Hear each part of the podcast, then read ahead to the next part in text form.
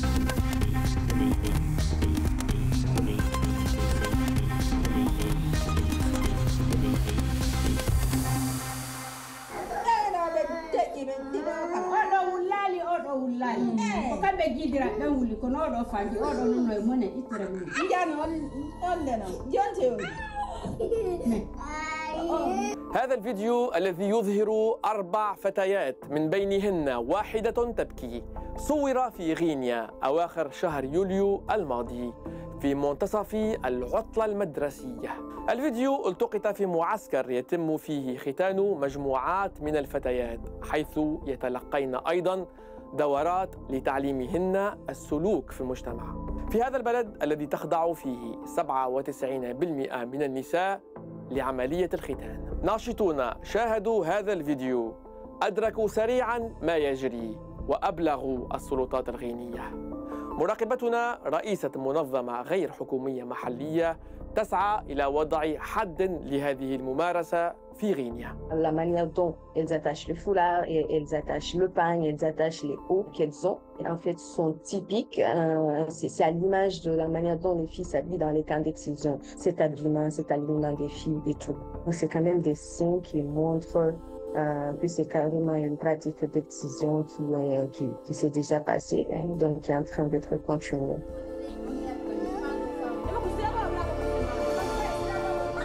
Généralement aussi dans ces camps d'excision, il y a des enseignements qu'on donne qui font référence aux enseignements patriarcaux. Il faut te soumettre à ton mari, il faut faire ci, il faut faire ça, ta vie est résumée à ça, tu vas terminer chez un homme, machin et tout ce qui va avec.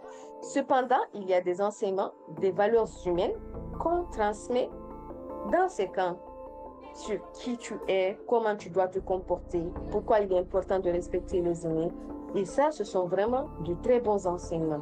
Une fille qui n'est pas excisée selon, euh, selon la communauté, selon euh, leur entendement, ces personnes qui pratiquent le NGF, euh, c'est comme si c'est une fille qui ne doit pas être respectée. الشخص الذي يعتقد أنه صور هذا الفيديو هو اليوم راهن الاعتقال. والسيدتان اللتان تظهران في هذا الفيديو هما اليوم محل تفتيش. ختان الفتيات محظور قانونيا في غينيا. غير أن إدانة المسؤولين عن ذلك تبقى نادرة للغاية. بحسب كادياتو كونتي. Il y a des peines qui sont prévues allant de 0 à 3 ans, par exemple, de 3 ans à plus, de 5 ans à plus, de 10 ans à plus. Ça dépend des circonstances. Malheureusement, on n'applique pas ces peines parce qu'il y a la question de sursis. Ce sont des vieilles personnes qui pratiquent, donc ce sont des, ce sont les mamans, ce sont des personnes vulnérables. C'est pas évident euh, de les envoyer en prison. Les clubs des jeunes filles leaders de Guinée s'assurent de faire des plaidoyers à l'endroit des autorités pour que les textes de loi soient appliqués effectivement comme ça se doit, sans exception. Parfois, on pose des débats sur Internet, et ce sont des débats qui font des tollés, mais après, ça va parce que on sent quand même que il y a des gens qui, qui osent dire clairement je suis pour, comme il y a des gens qui osent dire clairement que je suis contre.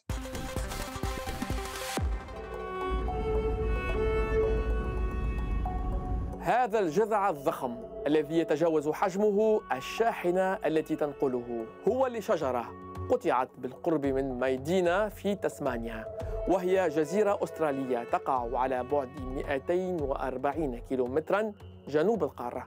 الفيديو يشكل دليلا على انتشار قطع الأشجار على نطاق واسع في غابات تسمانيا القديمة في وادي فلورنسا وهي غابات توجد منذ آلاف السنين. المدافعون عن البيئة مثل جيني ويبر من جمعية بوب براون يحاولون إقناع شركات قطع الأشجار التي تشرف عليها حكومة تسمانيا يحاولون إقناعهم بالتوقف عن تدمير هذه الغابات.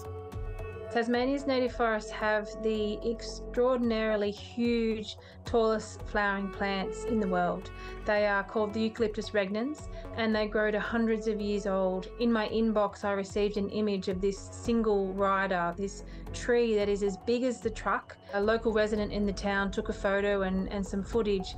The tree that was on the back of the single log truck, it was easy 300 or 400 years old. Uh, we know that that log did not need to be cut down. Sadly, in in Tasmania, there's been a loss of these sorts of ancient forests for decades. Uh, the large scale clear felling that's going on in Tasmania is for wood chips, it's for exports uh, out of this island to uh, Taiwan, to China. The world needs to see that these ancient forests are still being logged جمعية بوب براون التي أسسها عضو سابق في مجلس الشيوخ عن ولاية تسمانيا وناشط بيئي هذه الجمعية قامت بحملة لإنقاذ غابات الأوكاليبتوس الضخمة هذه وهي من بين الغابات الأكثر كثافة بمادة الكربون في العالم. Every time one of those giant trees is logged, uh, we're losing an enormous carbon storehouse, but also an apartment block of incredible wildlife habitat uh, that is in those forests. When a tree gets to hundreds of years old like that, it's home to bats, to birds, owls. Uh, it's, it's a very important um, single tree for so much wildlife.